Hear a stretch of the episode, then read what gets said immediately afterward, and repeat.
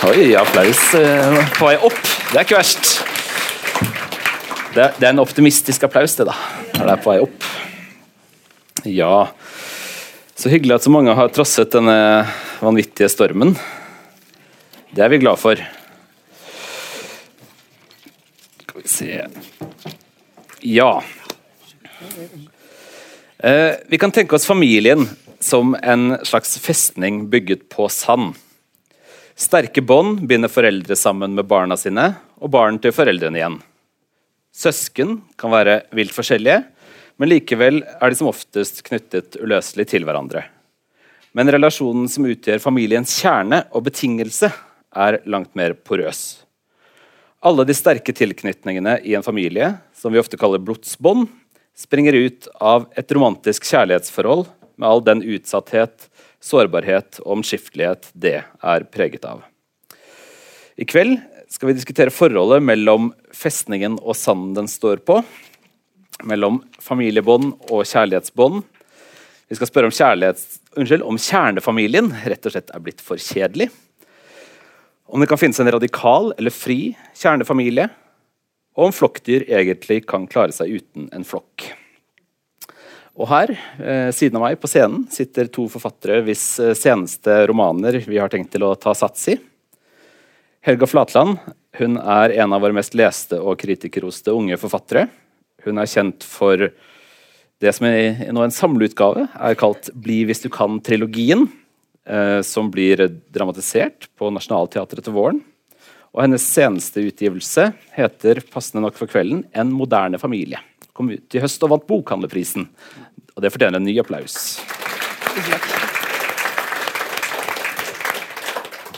Geir Gulliksen, som sitter i midten her, han er blant våre mest sentrale og innflytelsesrike samtidsforfattere. Han har skrevet poesi, essays, barnebøker, dramatikk og romaner. Og hans fire siste utgivelser kan egentlig alle sies å kaste lys over kveldens tema. Uh, mest oppmerksomhet vil vi nok likevel vie historie om et ekteskap fra 2015. Og Jeg heter Bernhard Ellefsen og er litteraturkritiker i Morgenbladet, og jeg har en familie. Så det er min credential for kvelden.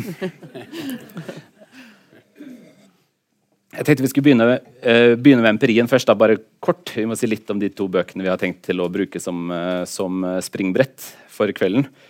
Uh, Helga, en moderne familie begynner med en ganske vanlig familie. Og så blir den litt mer moderne på dramatisk vis. Ja, den, eh, de liker i hvert fall å kalle seg selv moderne. Ja. Eh, men, Men de får liksom test, testa hvor moderne de er. Nettopp, det er akkurat det. Så viser det seg at de kanskje ikke er fullt så mm. moderne. Hva er det som skjer? Hva, hva, hva møter de på? Nei, de, Det er jo en familie med, som har veldig sterkt, en veldig sterk familieidentitet. De er jo veldig De kan veldig lett si 'dette er oss som familie', og det er en mor og en far på 70 år, og så er det tre voksne barn eh, som er 42, 38 og 30, så de er ikke akkurat barn lenger. Eh, og etter 40 eh, års ekteskap så bestemmer jo da eh, dette eldre ekte, eller kan, Spørsmålet her er jo om de er eldre, eh, men i hvert fall det, dette ekteparet på nærmere 70 eh, de velger å gå fra hverandre. Eh, og så er jo eh, Boken eh, tar jo egentlig mest utgangspunkt og utforsker de, disse tre voksne søsknenes eh, reaksjoner på å være voksne skilsmissebarn, rett og slett. Eh, og hvordan familien da innordner seg eller tilpasser seg eller ikke tilpasser seg de nye forholdene, som er at mor og far eh, som er jo da eh, overhodet for familien, eh, går fra hverandre. Mm. Mm.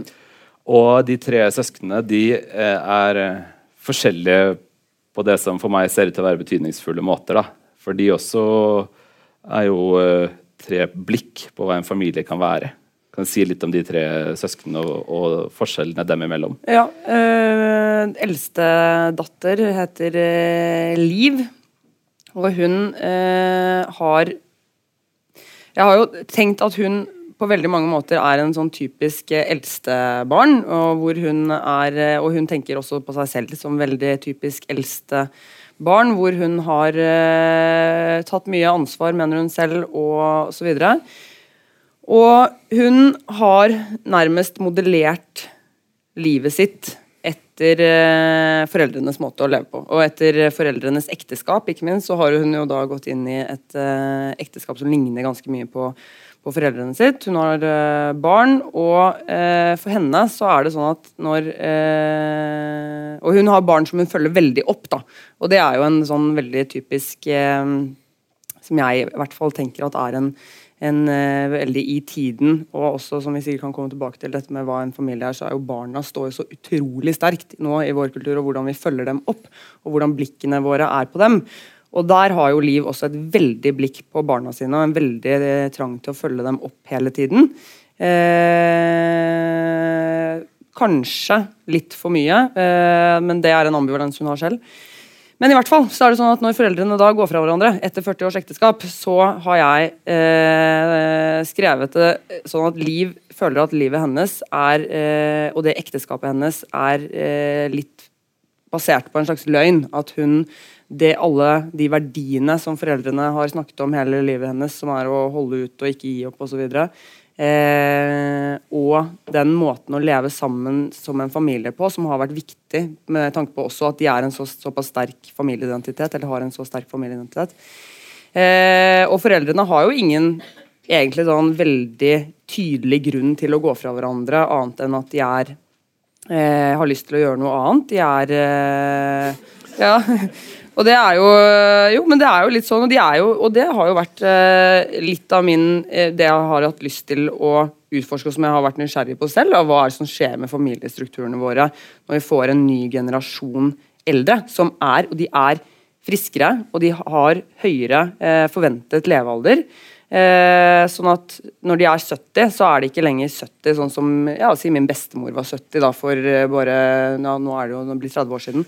Eh, så, så, sånn sett så eh, Men de har i hvert fall ikke lyst til å være sammen lenger. Eh, men dette er jo heller ingen ekteskapsroman, så vi får ikke vite så veldig mye mer om det bruddet. Men Liv har i hvert fall da hun får jo en eh, slags sånn eksistensiell krise mm. fordi grunnlaget, alt hun har basert sitt liv på, går litt i oppløsning. For det er den typen ekteskap hun tror på. Kan vi si litt kort om hva slags relasjon de to andre tror på? Ja.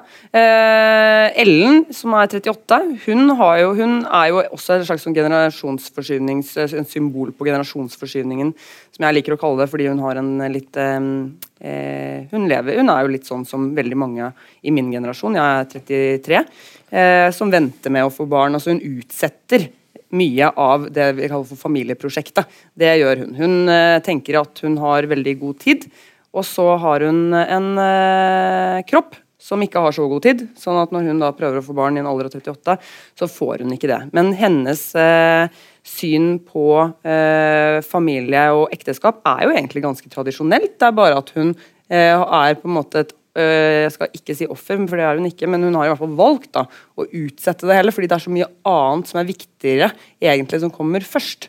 Eh, som å reise og jobbe og så videre. Eh, så for henne så blir denne skilsmissen den, den, treffer rett inn i hennes eget forsøk på å skape en familie, og det reiser spørsmål om hva er man egentlig som menneske, men kanskje spesielt kvinne, hvis man ikke kan reprodusere seg, hvis man ikke kan skape sin egen familie. Da. Så er det Håkon som er 30, eh, og som eh, er eh, Han har kanskje det mest utradisjonelle synet på, på kjærlighet, eller på, i hvert fall på, mm, på forhold. Og, for han, er, han, tror ikke på monogami. Han tror ikke på Og følgelig tror han heller ikke på ekteskapet. Så han mener at det er at ekteskapet er en institusjon, institusjonalisering av kjærligheten. Eh, og at det er egentlig symbolet på alt som eh, er ufritt ved mennesket. Fordi han er opptatt av at mennesket skal være fritt. Eh, og det i hvert fall når det gjelder kjærligheten. Så, og da blir det å leve i eh, det han mener er ganske naturstridig i, eh, i en tosomhet, det blir eh, bare normer som er formet av f.eks. For religion. Det, så han ser jo på det på den måten. Han også har lest De Beauvoir og Sartre. Det har han. Mm. Mm. Det har også fortelleren i din sensroman, uh, Geir. Um, ja. Den heter um, 'Historie om et ekteskap'. jeg tenker at det er viktig at det er eh, i ubestemt form. Historie. For det er jo um, en mann som forteller om et ekteskap, og egentlig oppløsningen av det. Men, men uh, tenk, tenker tilbake på et ekteskap som egentlig som har vært 20 år langt, men som begynte som en reaksjon, det også. En, en slags emancipatorisk øvelse, en sånn frihetsgest. Kan vi si litt om det ekteskapet som beskrives her? Ja. Eh, jeg har jo tenkt på det som en kjærlighetsroman, det der, som liksom undersøker kjærligheten fra det punktet hvor det er over. på en måte. Uh, og så Da er det en historie som denne mannen altså Det er en roman som er skrevet sånn at det er en jeg-person som er fortelleren. Uh, men han er opptatt av å forstå hun som han var gift med. slik at Store deler av historien er jo i tredje person, for det handler om henne. Uh, men det er han som liksom forsøker å forstå, eller tenke seg inn, da, leve seg inn i eh, hvordan det har vært for henne. Eh, men det var ikke det du spurte om. Hva var det du spurte om? Jo, hva slags, ja, ja. hva, slags, kjærlighetsforhold er det? Hva, hvilket, nei, jeg, liksom hva tenkes at, rundt det? han er det er, det, er, et kjærlighetsforhold som, som, som bygger på at de begge har gått ut av eh, hver sine kjærlighetsforhold idet de traff hverandre. Det er et kjærlighetsforhold som bygger på det der eh, det litt sånn uheldige møtet. Du er sammen med noen, og den andre er sammen med noen, og så plutselig så møter du så møtes de, da. Og, så, så, og han er en relativt ung far og skiller seg, og det står et eller annet sted i, i romanen at dermed skiller han seg også fra barnet sitt. Hvilket jeg tror på en måte Jeg skrev med, med, en viss beven, på en måte, fordi jeg er gift og skilt, og jeg er gift for tredje gang. Uh, og jeg vil tenke definitivt at jeg ikke har skilt meg fra ungene mine, men, men på en måte så gjør man jo det. Det står jo uh, på en måte i uh, datidens nå. Altså det, det, det, er vel kanskje ikke sånn man føler det senere, men man får inntrykk av at det er sånn det oppleves. Ja, og jeg syns det, uh, det, er litt interessant, da. Fordi mm. jeg tror folk ofte glemmer det, på en måte. Mm. Uh, jo, og så Hvordan skal jeg gjøre dette kort? Jeg skal prøve å gjøre det kjempekort. Uh, da han går fra sin første kone fordi han forelsker seg i hun som heter Timmy så sier den første konen at jeg håper det samme kommer til å skje med deg. Håper, håper at du kommer til å bli gått fra sånn som du har gått fra meg. Det er jo mange sanger som er laget sånn. ikke sant? Og, og, og, men det, hos han så på en måte setter det seg som en sånn Det kan skje. Og det må ikke skje. Uh, og delvis av den grunn og delvis av andre grunner så blir han en mann som er veldig redd for å bli forlatt av hun som han er sammen med. Uh, og det som man er veldig redd for at skal skje, kan man jo få til å skje. Uh, ja, nei, virkeligheten skjer veldig ofte, det er jeg helt sikker på. Uh, men det skjer i hvert fall i denne romanen, ja. Sånn at det er på en måte det en stor del av romanen handler om hvordan han, uten å forstå det selv, selvfølgelig, klarer å drive den han er gift med, fra seg. da. Jeg syns i flere på, Kanskje i alle fire, eh, i hvert fall på mange steder i de fire seneste romanene så utforsker du tosomheten eh, og truslene mot den. Og utfordringene til den, og, og tanker rundt det. Eh, og fra 20. dagens første side til siste side i denne romanen, så er, er det derre å den dobbeltheten av den tredje personen, den trusselen om at noen skal komme og bryte opp tosomheten, som er kjærligheten, eh, men også begjæret etter det. Eh, eller kanskje det forestilte begjæret etter det. Eh, det er liksom en kontinuerlig spenning synes jeg da, fra første til siste side i disse fire romanene. Kan du si litt om, om den dobbeltheten, og hvor farlig og forlokkende den det, liksom, forbrytelsen mot tosomheten fremstår i, i, i teksten her? Ja, Uh, han, han, tenker jo så mye på det. Han bruker det i, ah, ja. uh, i senga, rett og slett. Ja. Det, ja. det er en roman som handler mye om seksuelle fantasier. Mm. Uh, som liksom plutselig plutselig blir virkelige på en måte han ikke vel hadde tenkt seg, tror jeg. Men, men Ja jeg, tror, jeg, tenker jo det at de fire siste romanene jeg har skrevet, er kjærlighetsromaner, og at de utforsker uh, Akkurat som du sier, det der med uh, På den ene siden så tror jeg man kan tenke om kjærlighet at den skal gjøre, den skal gjøre oss frie. At Hvis du er heldig og møter en som er ok, liksom, og som passer til deg, og at du er ok sammen med han eller henne, så blir man friere. Uh, så blir man et rikere menneske, uh, et mer levende menneske. Jeg tror veldig på det.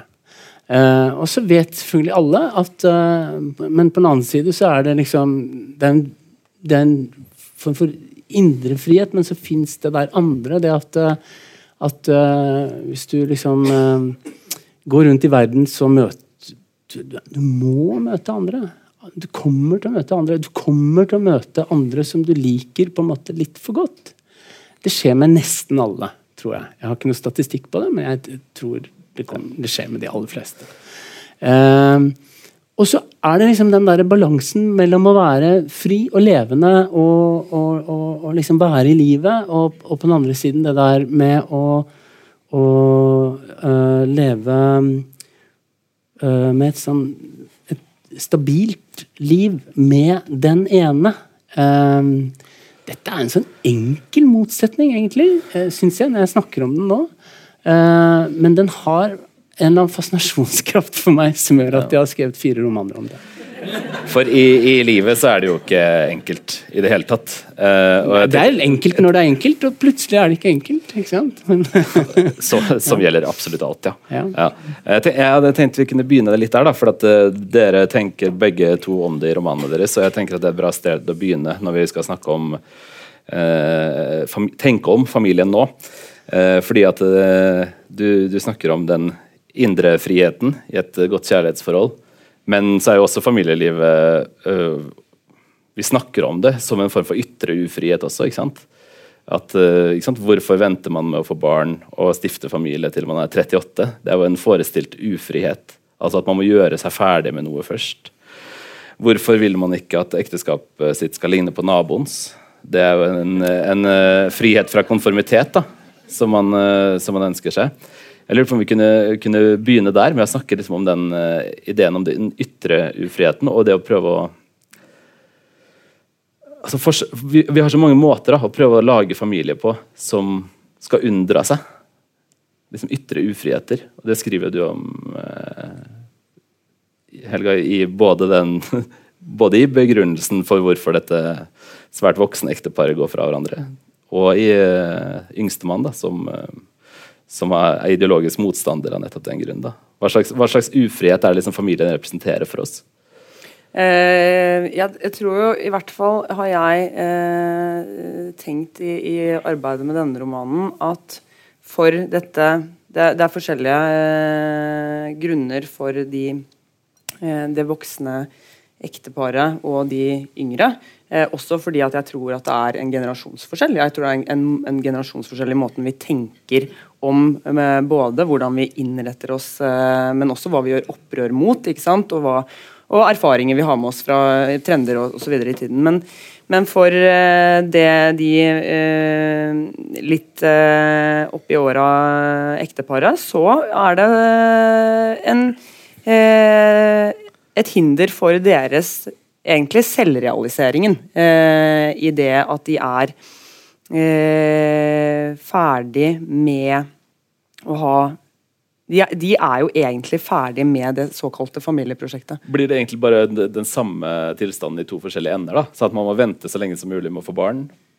Og da begynner ufriheten. Ja, og når barna er ute av redet, ja, så, kan man bli fri igjen. Fri, liksom ja. Samme, er, ja. Man kan pensjonere seg fra De der foreldrene i, i din roman som skiller seg, det virker jo ikke som et veldig vellykka prosjekt, det å skille seg. Eh, eh, eh nei, nei, nei. Ikke sant? Det virker ikke som det er liksom de er ikke kjempelykkelige på en måte etter at de har gått fra hverandre. Nei, men det igjen så er det sånn, De aller fleste som uh, har lest denne boken, og som er, de er veldig opptatt av dette ekteparet. Uh, mens jeg er jo ikke så veldig opptatt nei, av dette nei, ekteparet. Ja, men det er derfor alle men, blir ja, litt sånn... Derfor blir alle sånn, Men hva ja, er egentlig grunnen? og hva er det sånn, De virker jo ikke så veldig fornøyd med det. Og spesielt uh, de som er på den alderen selv, da, som har lest boken, som er, er selvfølgelig da veldig opptatt av at de skal Det var til og med en leser som spurte tror du de finner sammen igjen etter boken. Og så er det sånn, er en veldig naturlig tanke. Det har jeg også tenkt. At, uh, og de finner nok sammen det kan godt tenkes at de gjør det. Nei, men det Ja, det tok jeg fint. Ja, jeg tror ikke det. Men, men, men, det kan godt være at det ikke er så, et så vellykket prosjekt, og det har nok også å gjøre med nettopp det at de har en slags forestilling om at det om en frihet, da eh, som ekteskapet eh, dem imellom ikke representerer, fordi de er låst til hverandre. Og det er så mange muligheter for dem nå, i, i, selv i den alderen, eh, som de kan utforske. Eh, kanskje alene, kanskje sammen med andre. Men det har jeg jo ikke skrevet så mye om akkurat der, da, men i mine eh, altså Det jeg tenker om det, er jo at de vil da Eh, nå er jo ikke jeg i den alderen selv, men hvis jeg skal tenke om det, så, så er jo eh, det å være eh, At de er påvirket av den ungdommelige selvrealiseringen eller den individfokuserte tiden vi lever i, hvor det å dyrke jeget og hva jeg har lyst til og hvordan jeg har det, og ikke minst den der forestillingen om en veldig vellykket kjærlighet. Altså at det skal være Vi, jo, vi har jo så utrolig tro på forelskelsen, på, på kjærlighets... Eh, eller på samlivet som bare drevet av en slags sånn Uh, ja, erotisk og, og en uh, veldig eh, ja, drevet av forelskelsen. og det har jo eh, De på 70 de er jo ikke så veldig forelsket i hverandre lenger i boken min. Og de er heller ikke spesielt sånn kjempefornøyde med, med måten de utvikler hverandre på eller lever sammen på.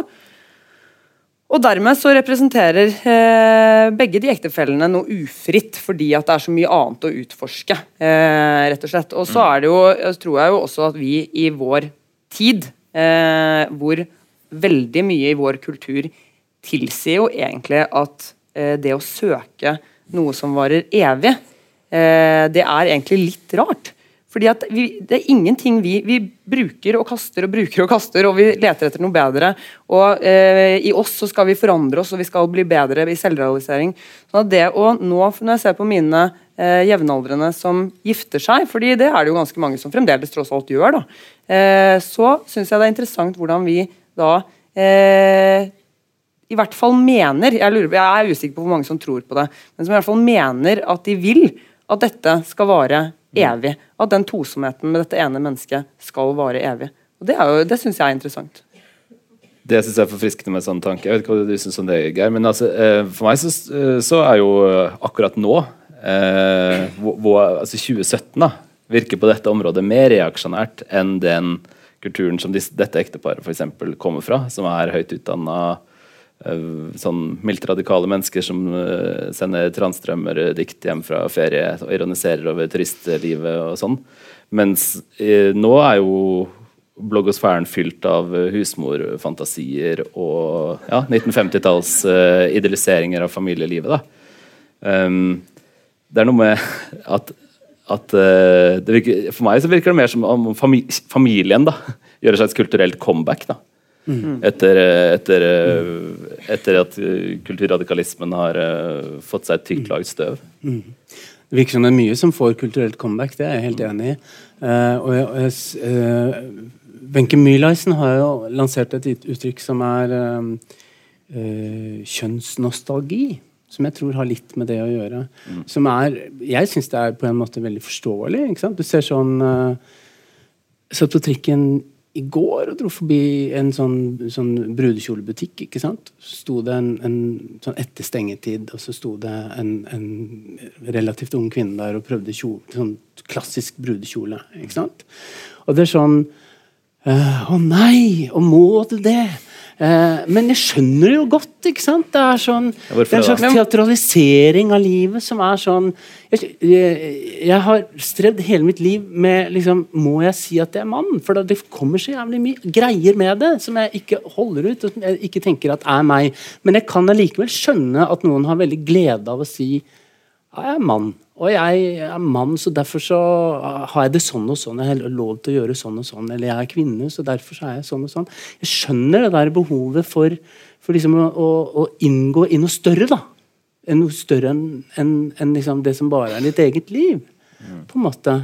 Men eh, det, det, er jo én ting som, som, som, vi bommer fullstendig på når vi snakker om liksom, bruk og kast. Og det, du sa virkelig det at du, liksom, du er litt undrende til om de virkelig tror at de vil være sammen alltid? Nei, nei. Jeg, Var ikke det du sa? Ja, jo, altså, jeg, jeg tror at de vil det. Ja. Men jeg tror ikke de tror på det. For jeg tror de kan, på, Som på mange andre områder så kan man lese statistikk, og så vet man at så og så mange Ja. eh, ekteskapsinngåelser Ja, sånn, ender i Men jeg Ja. tror at de vil det. Det Jo, men tror jeg. Hvis det er 50, Hvordan er disse tallene igjen? Jeg har reist rundt nå- med Sissel ja. Gran og burde ha lært dette Ja, for lenge du. siden. men, men rundt 50% på et eller annet tidspunkt, da ikke sant? Da er det jo 50% som kanskje fortsetter å være gifta. Det er jo ikke så Ja, verst. men det, ikke sant, Hvis du hadde Nei, hatt det det er ikke sånn så verst når du tenker på hvordan vi blir sammen. Ja, ja. Fordi at eh, med, nå, nå burde vi ha de mulighetene til liksom å bruke sånne sjekkeapper og sånn som en av de i, i din roman gjør. Og liksom vurdere litt sånn kaldt er han noe for meg å, å, å møte den ene etter den andre og, og, og liksom ta en rasjonell beslutning? Men det er jo ikke det vi gjør. Vi møter Nei, noen i en kø, og så snakker vi litt, og så er det bare sånn Hva?! Ikke sant? Vi, folk, folk blir knytta til andre folk så fort. Vi kan ikke gjøre noe med det. Det er biologisk antagelig. ikke sant? Vi blir det. absolutt. Men og derfor, og derfor så gjør det så jævlig vondt for de aller fleste når det prosjektet de har hatt med et annet menneske, bryter sammen. Mm. Selv om du liksom skulle 'Dette burde jeg ha visst', og det Ikke sant? Mm. Så, så Mens de der foreldrene hos deg er jo relativt ikke sant? Det er ikke den store krisen, altså, men de Nei. aller fleste virker det som det er mye smerte ved det. Og dette kan vi jo ikke fjerne ved hjelp av liksom å si at eh, det burde du ha visst, eller, eller nå lever vi sånn, hvorfor hva er det du griner for, liksom? For det Men når jeg leser bøkene deres, og må jeg si generelt i livet, da, så er jeg interessert i øh, hva slags mulighet det, det finnes egentlig for en, en radikal eller fri kjernefamilie. da. Og det finnes jo en del si, skisser til radikale familiekonstruksjoner i, i samtidslitteraturen, hvor dere jo bringer en del av ideene på bane. Uh, og nå i høst så kom en bok av den amerikanske skribenten Maggie Nelson som heter The Argonauts. Som beskriver hennes vei Hun er jo en, eh, en, eh, en feminist da, som har skrevet mye om sine seksuelle overskridelser, og sånn, og nå skriver hun om sin vei inn i moderskapet. Og til våren på norsk så kommer det en bok av en som heter Ariel Levy, som heter The Rules Do Not Apply, som eh, er veldig relevant eh, for eh, det her med å skyve den biologiske klokka, da, og som diskuterer mye den motsetningen mellom å ønske en frigjort familiekonstruksjon og å være kvinne. da, og bare Hvis du vil ha barn, så Sorry, du kan frigjøre så mye, liksom, men én ting kan du ikke frigjøre, da, og det er det faktum at For hun har da opplevd en, en spontanabort dramatisk i slutten av 30-åra, ikke sant. Hva, hvilke skisser har vi liksom til en, en eh, Det å åpne opp eh, familien innenfra, da. Ikke skyve den ut til vi blir 40, eller velge den som en 50-tallskonstruksjon på en blogg. Men liksom å finne en levende måte å være familie på, da. Det syns jeg dere begge liksom tråkker, tråkker ut i romanen, og det er jeg helt sikker på at dere gjør i tanken. da. Ja. Rekk opp hånda. Førstemann. Vær så Førstemann god. mål. Ja. ja nei uh, Skjønte jeg det spørsmålet? Ja. Det er, det er ikke Nei, et men- spørsmål, det er en begynnelse på en Ja. tankerekke som vi kan eh, tenke sammen. Ja, uh, men, men det er jo det første, Den første betingelsen som må til, er jo reell likestilling. på en måte, ikke sant? Den første betingelsen er at, uh, at du ikke fordi du er kvinne, blir, blir liksom Oi sann! Der fikk jeg hovedansvaret for, for hele liksom, den virksomheten som, som hjemmet er, med, med ungene, og, og dessuten kanskje med både mine foreldre og dine foreldre og alt mulig sånt noe. Uh, første betingelsen er at, er at man liksom uh, er i stand til å, å, å liksom hva, hva kan jeg gjøre, og hva kan du gjøre, og hva er vi gode til? på en måte? Hva, uh, jeg er for eksempel bare Der fins ingen annen måte å snakke om dette på enn å snakke litt personlig. For meg, i hvert fall. Eh, jeg er veldig god til å være hjemme. Eh, veldig god til å handle inn, veldig god til å lage mat, veldig god til å være der når folk kommer og går, og, og sånn. Uh, og da kan jeg innimellom, i likhet med hovedpersonen i den siste romanen min, som for øvrig ikke er meg, uh, da kan jeg innimellom tro at jeg er en slags husmor. Men jeg er jo ikke det. Jeg skriver jo bøker og har en jobb som jeg kan liksom komme og gå på. og, og, og sånn. Men, men, liksom, jeg kan dette her. Jeg liker det. Jeg har stor glede av det. Jeg er gift med en, en, en type som Hun vil ikke det. Hun har ikke sans for det. Hun må ut og jobbe. Hun må gjøre sånn og sånn. og sånn. Det passer meg utmerket. Uh, og jeg har vært ganske heldig med de fleste kjærestene mine på den måten. da, At jeg har liksom uh, fått, fått, lov Ja, men det er helt reelt. Uh, noe av det første som kan skje med folk som får barn, i hvert fall menn som er liksom opptatt av at jeg vil ikke være en sånn mann som f.eks. faren min var, det er at Oi! Den du er sammen med, hun ble mor! Og da ble hun så mye mor at du bare blir en sånn uh, Nei, du vet ikke dette, eller kan ikke du stikke og fikse det, og sånn og sånn. Noen sånne betingelser som har med likestilling må til, tror jeg, eh, for at folk skal kunne velge. Mm. Hvordan lever vi sammen? For det er ikke nødvendig å leve som på 50-tallet, med mindre man vil det. da. Det er jo noen som vil det. De må jo få lov. Ja, greit, da. Jeg vet ikke kanskje. Hvordan, ja. kanskje. Ja. Eh, dere gir jo begge ideen om det åpne forholdet, som jo var da forrige liksom, radikale vendingsidé om et, en fri form for kjærlighet. da. En, eh, dere gir dem en runde i tørketrommelen, vil jeg si. da, Den, den ideen. Um, du, du, skriver jo om en person som, som, tror på det, og litt med den samme begrunnelsen egentlig som vi finner i din roman. altså at Det er jo en, ikke en ikke en sånn hedonistisk grunn til å dyrke et åpent forhold, men at, at grunnleggende empati og kjærlighet lever best i frihet. da. Mm. Uh, men samtidig så ryker det litt i veggen, da. Ja, I praksis så viser det seg, i hvert fall for uh, han som jeg har skrevet om, og det syns jeg egentlig viser seg i, ditt, i din bok også, at det, at det er vanskeligere å leve etter altså Du kan tenke, du kan virkelig ville det. Eh, og, og, der syns jeg jo at uh, hovedpersonen din har noen veldig fine betraktninger som hvem er vi hvis vi ikke kan tåle dette? og så at Man definerer veldig en sånn eh, tanke om hva slags samliv eller eh, kjærlighet man vil ha med den andre. Men så i praksis, for eh, Håkon som jeg har skrevet om, så eh, blir det vanskelig fordi eh, det, det, det utfordrer en trygghet som man er avhengig av, eller en tilhørighet som man er avhengig av. Og idet den tryggheten blir utfordret, i den, den tilhørigheten For jeg tror jo altså, altså Det du spurte om sist eh, i forrige spørsmål, altså hva slags familie kan vi eh, forvente oss eller forestille oss, så tror jeg at vi kan forestille oss veldig mange forskjellige typer familier, men at tilhørigheten er så grunnleggende i oss at vi må høre til et sted. Eh, og det å høre til hos et annet menneske eh, som da blir utrygt, sånn som for Håkon, da, så er det Så for han så er det det som kommer inn og ødelegger i praksis. Men i tanken så mener han jo det er jo ikke noe Og jeg har jo ikke prøvd å gjøre narr av ham. Altså, dette er jo en virkelig sånn Og som jeg kan langt på vei kan være veldig enig i. Eh, men som, som sagt, i praksis rakner litt i det. Og for han så er det jo også den skilsmissen som kommer inn, og det er tryggheten som ryker på veldig mange kanter i livet hans, da, som gjør at det også blir vanskelig å leve etter, fordi at han er en trygghetssøkende person, har jeg tenkt at han skal være. Sånn at det, eh, men det er jo vanskelig det vanskelige i eh, gjennomføringen av det, i det, i det tilliten og tilhørigheten eh, ryker litt. Jeg synes det er veldig fint. Det er veldig gripende, egentlig. Den, den, uh, ikke bare egentlig. Uh, den, uh, den, der vendingen med han, som er jo Får en, en, slags kjæreste eller en venninne som, som, tror på nøyaktig det som han tror på.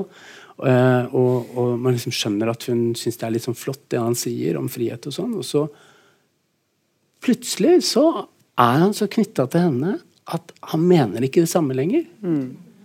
Og det tror jeg, er, jeg tror det er noe veldig sant i det portrettet der.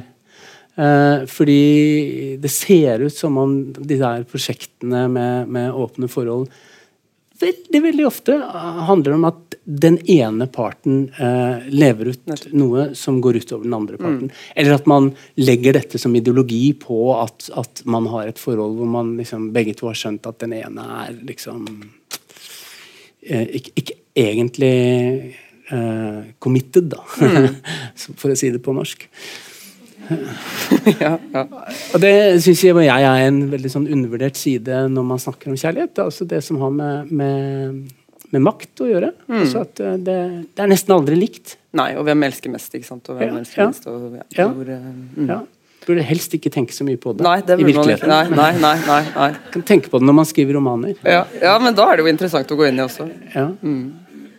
Uh, jeg, jeg, tenker at vi det, det, dukker opp en idé om, om familien og, altså egentlig det, og det, det jeg syns er litt interessant, da, for å tenke mer på disse tingene, så er familie og kjærlighetsforhold to så utrolig forskjellige ting. Som er så tett sammenvevd, som jeg forsøkte å antyde i innledningen. da, hvor, hvor, det å ha et barn er så utrolig forskjellig fra det å ha en kjæreste. da, eh, Og likevel så uløselig forbundet, i og med at man gjerne har barnet sammen med kjæresten eller den forrige kjæresten, eller kjæresten før det igjen. Men i hvert fall en, en eller annen kjæreste. Mm. Eh, og det, det, med liksom den det tykke båndet da mellom f.eks. For foreldre og barn eller søsken og sånn, og, og, og, de som er kjærester, som, er, som jo er så sårbart. Um, det slår meg som en av de mest interessante tingene å innreflektere, da, hvis man skal klare å ha et eller annet sånt litt friere bilde. da av hva, av hva familie er.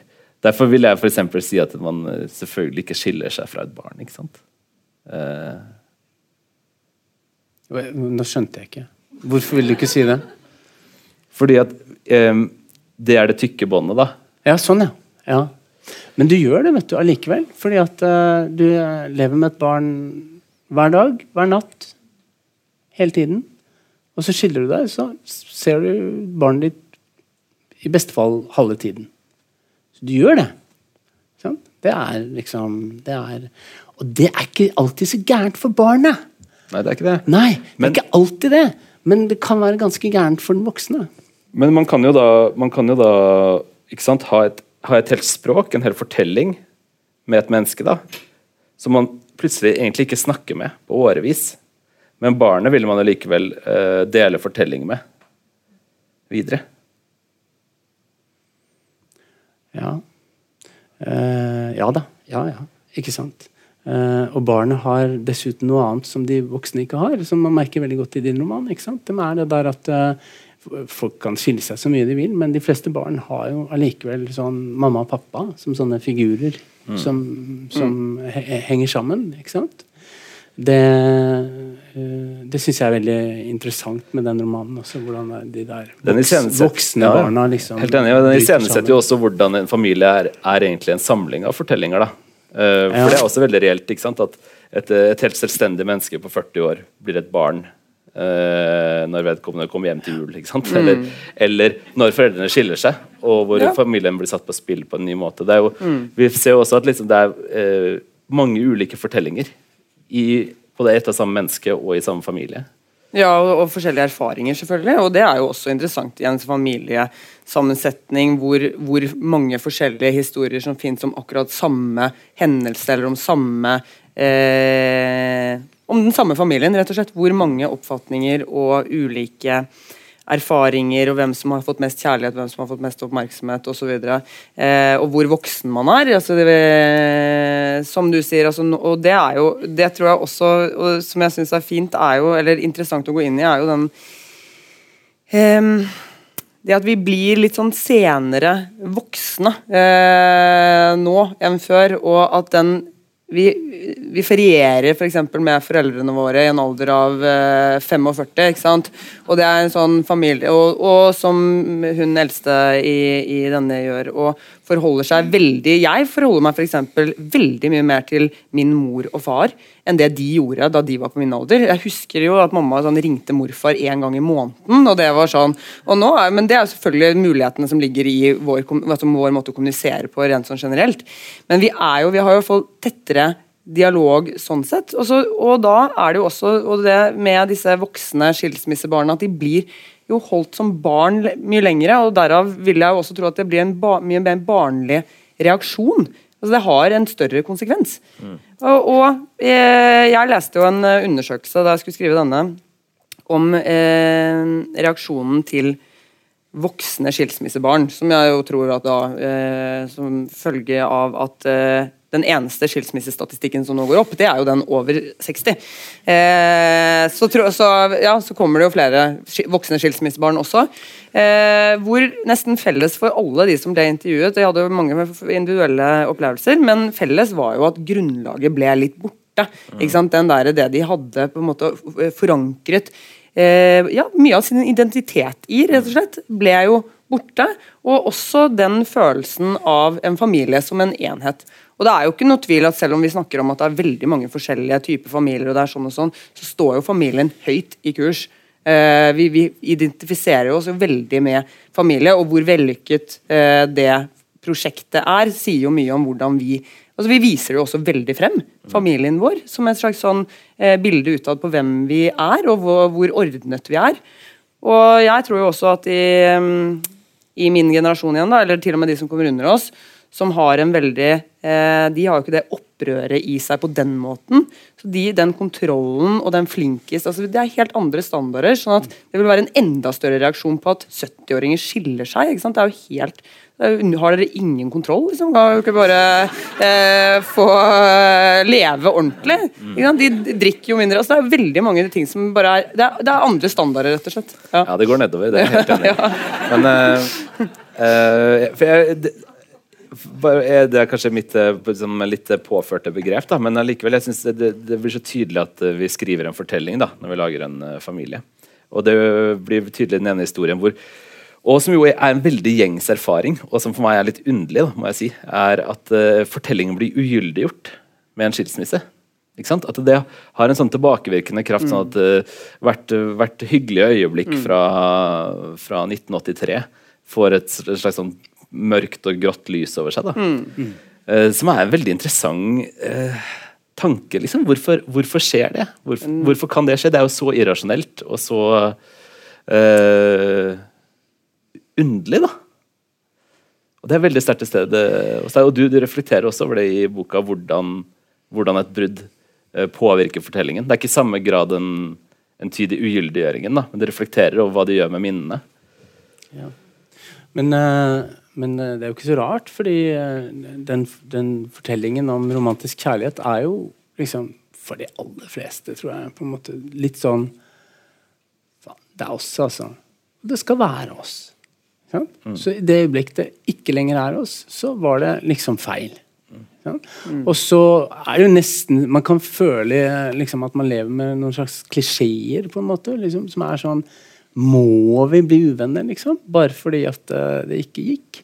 Ja, det, det, er uh, veldig dumt, veldig latterlig, litt pinlig hvis man er oppi det selv. Uh, så jeg er helt enig i din undring, på en måte. men men, men Vi er jo ja. veldig avhengige av å avslutte fortellinger, da. Og en, et kjærlighetsbrudd er selvfølgelig en fortelling som avbrytes før, før vi hadde planlagt at den skulle, før fisken fikk hale, liksom. Mm.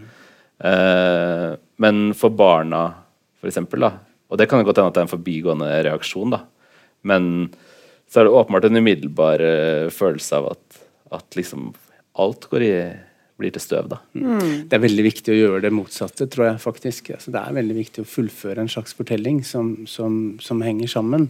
Hvis man tenker, særlig hvis man tenker på barna, men kanskje også de voksne. Eh, det der liksom Jeg tror ikke det er så veldig bra å leve liksom, eh, mange år med en sterk konflikt. Eller med en, eh, en, en sånn følelse av å ha mislykkes. Men dette er jo veldig sterke fortellinger. At, at, vi skal lykkes med familie og sånn. Og Du nevner Maggie Nelson som et eksempel på en annen fortelling, men det er jo ikke en annen fortelling. Hun er en kvinne som lever sammen med en som ikke lenger er en kvinne. Eh, og De har sex på noen andre måter enn en, en del andre mennesker har. Men, men, men, eh, men også hun, når hun beskriver en fødsel, så gjør hun det så forbaska bra. Eh, fordi hun er en, en, kvinne som har tenkt at hun ikke skulle få barn.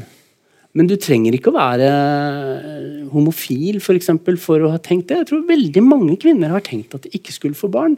Og da er fødselen en veldig rar eh, erfaring. Eh, og, og, som mange kan skrive, skrive bra om. Men, men, vi må liksom til de derre Ja, hun lever veldig annerledes. Da ser det ut som en annen type eh, ekteskapsfortelling. Men, men eh, ekteskapsfortellingen hennes jeg eh, synes den er Det eneste mangler, er at hun spiser taco på fredager. Men det, det gjør det ikke i USA, tror jeg. Nei, de har fisk i tacoen. Ja. Eh, nei, men Jeg er helt enig. Jeg synes det er noe av det, Og det syns jeg jo at deres eh, bud i, i uh, litterær form også gir, uh, gir, en slags fornemmelse av. da, at jeg, jeg tror nemlig at uh, Maggie Nelson skriver fortellingen om, om, familien litt på nytt.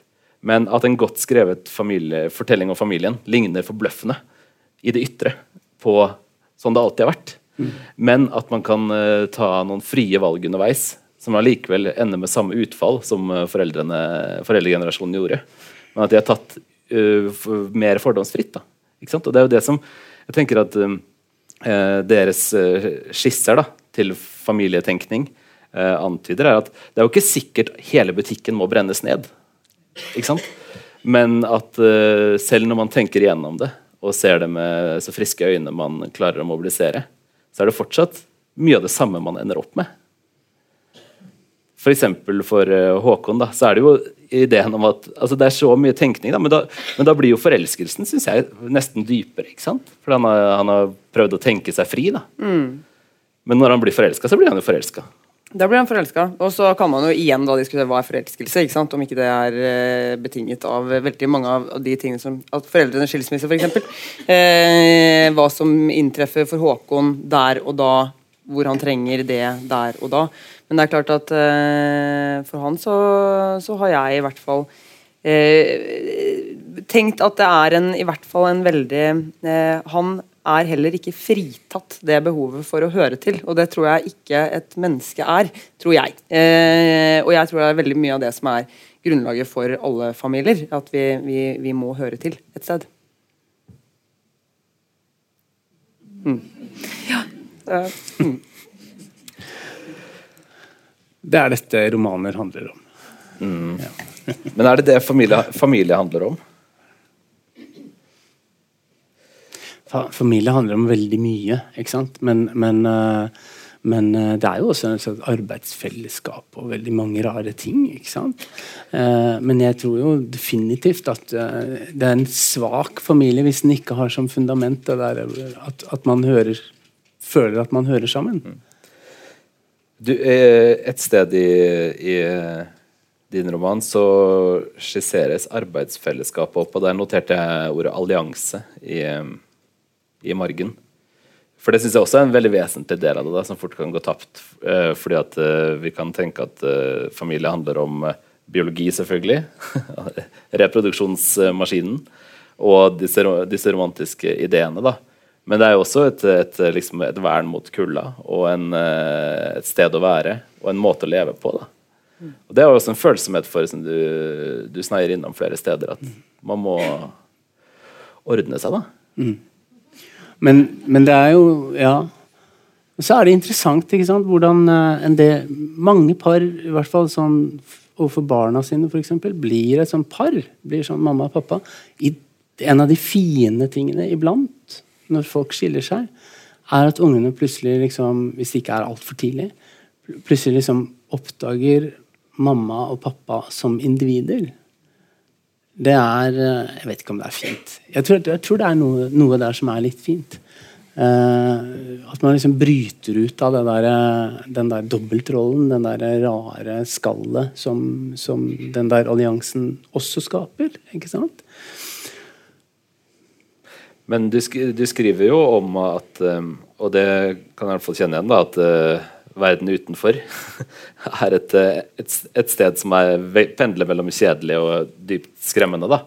Uh, ja. en, sånn, en naken verden da, hvor man ikke har noen å være sammen med. Det står jo tross alt i Forkynnerens bok at det er bedre å være to enn å være én.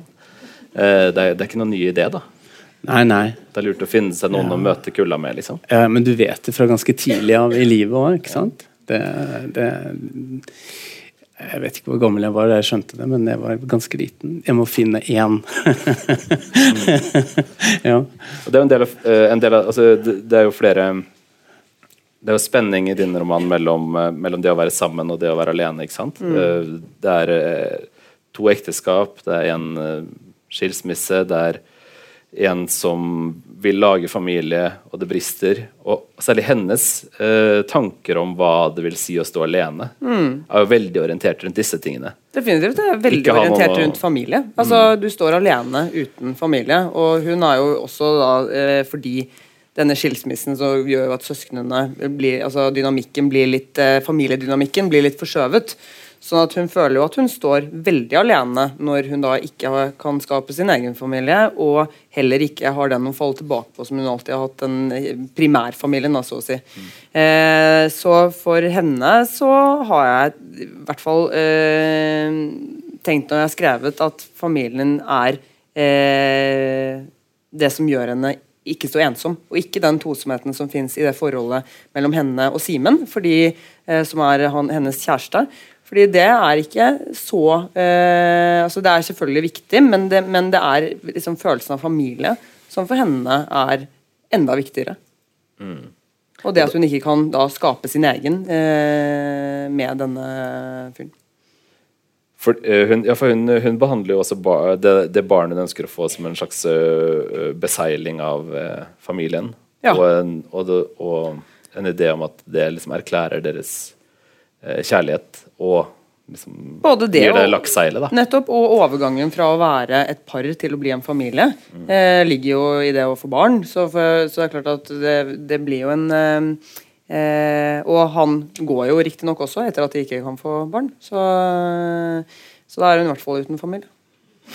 For å si det sånn. Mm. Ja. Eh, og, uh, I din roman også så, så tror jeg det på et tidspunkt står at barna er erklæringer av kjærlighet. Altså at de liksom også ja. har den skyver forholdet videre, på en måte. da. Ja, men Det er jo et av de, et sånn ansvar man kan komme i skade for å legge på et barn. liksom, egentlig. Mm. At, at, det skal være liksom, symbolet på foreldrenes uh, kjærlighet. da. Uh, kanskje særlig i sånne familier som man lager på andre forsøk eller tredje forsøk. Mm. ikke sant? Hvor man har med seg, du har med deg unger, og jeg har med meg unger, og sånn, så må vi ha et barn sammen. Og det barnet skal liksom være beviset på at det er dette som er den egentlige familien. Og da legger man jo et voldsomt og Jeg tror sånne ting betyr noe. Jeg tror at Hvis man liksom får barn med det som en viktig del av grunnen til å få barn, så kommer det til å bety noe for det barnet. Eh, sånn et såkalt kjærlighetsbarn, altså? Ja, ja. Så, det må, og det skal du være. Du skal, skal være vår kjærlighetsbanner, på en måte. Ja. Eh, tiden er uh, allerede løpt fra oss. Jeg vet ikke om jeg har den siste uh, ideer for den nye familien. Noen råd? Råd til den nye familien? ja. Nei, jeg tror ikke det. Ikke jeg heller. Nei, jeg tror ikke det, altså. Ikke det, be det, beste rådet er vel å ikke lytte til rådet eller ikke? Ja, nei, jeg vet ikke. Jeg tror, jeg tror, jo liksom Det er jo Det er litt rart. Vi sitter jo her som forfattere, ikke sant? Ikke som uh, som parterapeuter. Eh, eh, sånn kan driste oss til å si at dere sitter her som mennesker også, da. Ja, ja, men, men, det er et eller annet med familien og romaner som henger sammen. Mm. Ja, folk leste Da de begynte å lese romaner, så leste man ofte høyt. Og nå leser folk Det er veldig fint å gjøre. Det er et godt råd, syns jeg, hvis man er, har en ålreit kjæreste. Ja. Lese for vedkommende eller bli lest for. Ja. Men nå er det jo mange som ser på serier. Det er veldig fint. Ja. Ser man på noe sammen og deler de der erfaringene. Eh, det er et eller annet i de der fortellingene som har med familie å gjøre. Og det, og det, jeg tror man skal forholde seg til fortellinger. fordi hvis man ikke gjør det, så blir man ikke kjent med seg selv osv. Men nå begynner jeg å bli en prest. Jeg skal holde opp. Ja. Um, vi har i hvert fall eh, snakket om uh, to gode fortellinger å begynne med. Som det også er mulig å få signerte eksemplarer av her etterpå, før flyet fra Flesland kanskje går i stormen. Uh, tusen takk for praten, og tusen takk for at dere kom. Tusen takk.